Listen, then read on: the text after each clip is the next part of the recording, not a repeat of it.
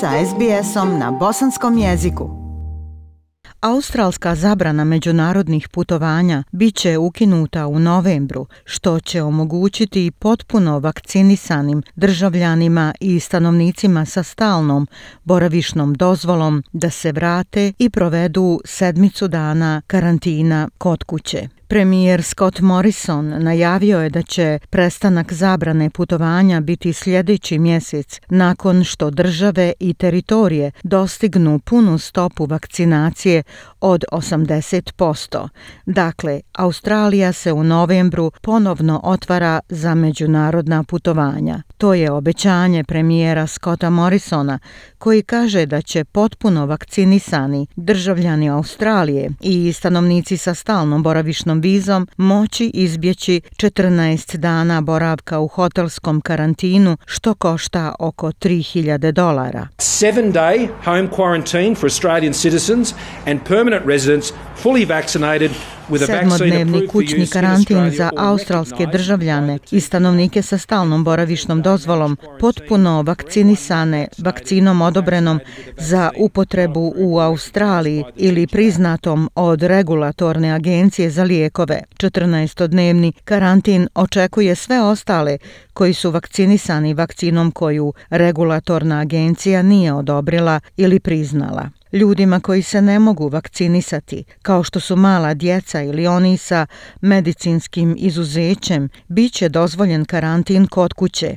Regulatorna agencija za lijekove preporučila je da se kineska Sinovac vakcina i indijska lokalno proizvedena verzija AstraZeneca, poznata kao vakcina Covid Shield, trebaju smatrati priznatim vakcinama za namjene putovanja. Australija već priznaje AstraZeneca, Pfizer, Modernu i jednokratnu dozu Johnson i Johnson Janssen vakcine. Očekuje se da će negativan test prije leta i dalje biti uslov putovanja, a vlada razmatra i upotrebu brzih testova na antigene. Savezna vlada kaže da će raditi sa državama na uklanjanju putničkih limita za vakcinisane putnike. Ti limiti, ta ograničenja u broju putnika, primorali su aviokompanije da naplaćuju skupe avionske karte onima koji uspiju osigurati letove za Australiju. Međunarodna granica je efektivno zatvorena od marta prošle godine, a ljudima je dozvoljen izlazak samo ako su osigurali izuzeće od zabrane putovanja. Kvantas je na to odgovorio tako što je zaustavio gotovo sve međunarodne usluge, a neki od njegovih aviona koristili su se na letovima za repatriaciju koje je sponzorisala vlada. Ostale strane aviokompanije potpuno su povukle usluge, dok su nekolicina uključujući Singapore Airlines, Qatar, Delta i United Airlines nastavili letjeti. Mađi Osmond sa turističkog i transportnog foruma kaže da će povratak prekomorskih putnika u Australiju biti jedan od prioriteta. The biggest challenge we're going to have is in fact getting sufficient airline capacity. So for both state and federal governments, the trick now is going to be how we attract all those international aviation carriers. Najveći izazov koji ćemo imati je u stvari dobijanje dovoljnih kapaciteta avioprevoznika. Dakle, i za državne i za saveznu vladu, trik će sada biti u tome kako privući sve te međunarodne aviokompanije natrag u Australiju, tako da imamo dovoljno mjesta za ukrcavanje putnika.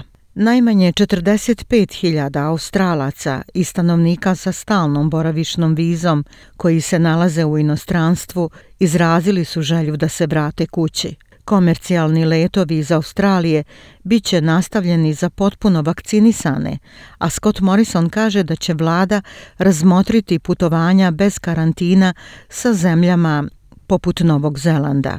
Kaže da će oni ljudi koji žele krenuti u inostranstvo moći pristupiti dokumentu o vakcinisanju koji će priznati druge zemlje. Australians who want to travel overseas once restrictions are removed will be able to access an internationally recognized proof of vaccination document. Australci koji žele putovati u inostranstvo nakon uklanjanja ograničenja moći će pristupiti međunarodno priznatom dokazu o vakcinisanju koji će biti u narednim sedmicama kako bi dokazali svoj status vakcinacije u inostranstvu, a ovaj dokaz o vakcinaciji za međunarodna putovanja uključivaće QR kod koji je čitljiv globalno i radi sa IKO sistemima koji se koriste širom svijeta.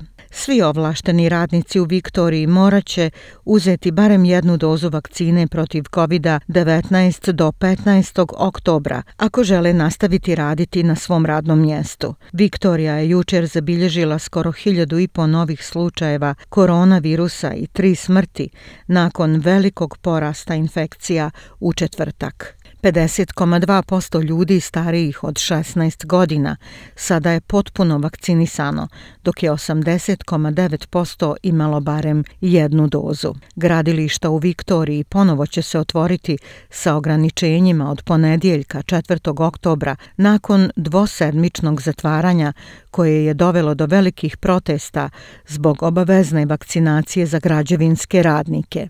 Novi Južni Vels prijavljuje 864 nova slučaja i još 15 smrtnih slučajeva povezanih s COVID-om, što je najveći dnevni broj smrtnih slučajeva do sada. Teritorija glavnog grada zabilježila je veliki porast slučajeva covid sa 52 nove infekcije i još dva smrtna slučaja. Umrle su dvije osobe u dobi od 80 godina koje su živjele u staračkom domu, a pružana im je palijativna njega. Queensland je zabilježio dva nova lokalna slučaja dok se država bori s klasterom COVID-19 u aviosektoru. Premijerka Queenslanda Anastazija Palašej kaže da zaključavanje trenutno nije potrebno, ali ako se infekcije ne prekinu, situacija bi se mogla promijeniti. We do need to make sure that people in Brisbane, Logan, Gold Coast, Moreton Bay, Townsville, and Palm Island continue to adhere to those stage 2 restrictions. Moramo se pobrinuti da se ljudi u Brisbaneu, Loganu, Gold Coastu, Moreton Bayu, Townsvilleu i Palm Islandu nastave pridržavati ta dva ograničenja. Potrebno je da se ljudi stalno testiraju i potrebno je da nastave nositi masku. Za mjere zdravlja i podrške koje su trenutno na snazi kao odgovor na pandemiju COVID-19 na vašem jeziku posjetite stranicu sbs.com.au kosa crta koronavirus. Ja sam Aisha Hadži Ahmetović. Ostanite uz SBS radio.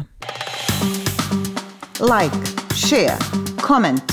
Pratite SBS Bosnian na Facebooku.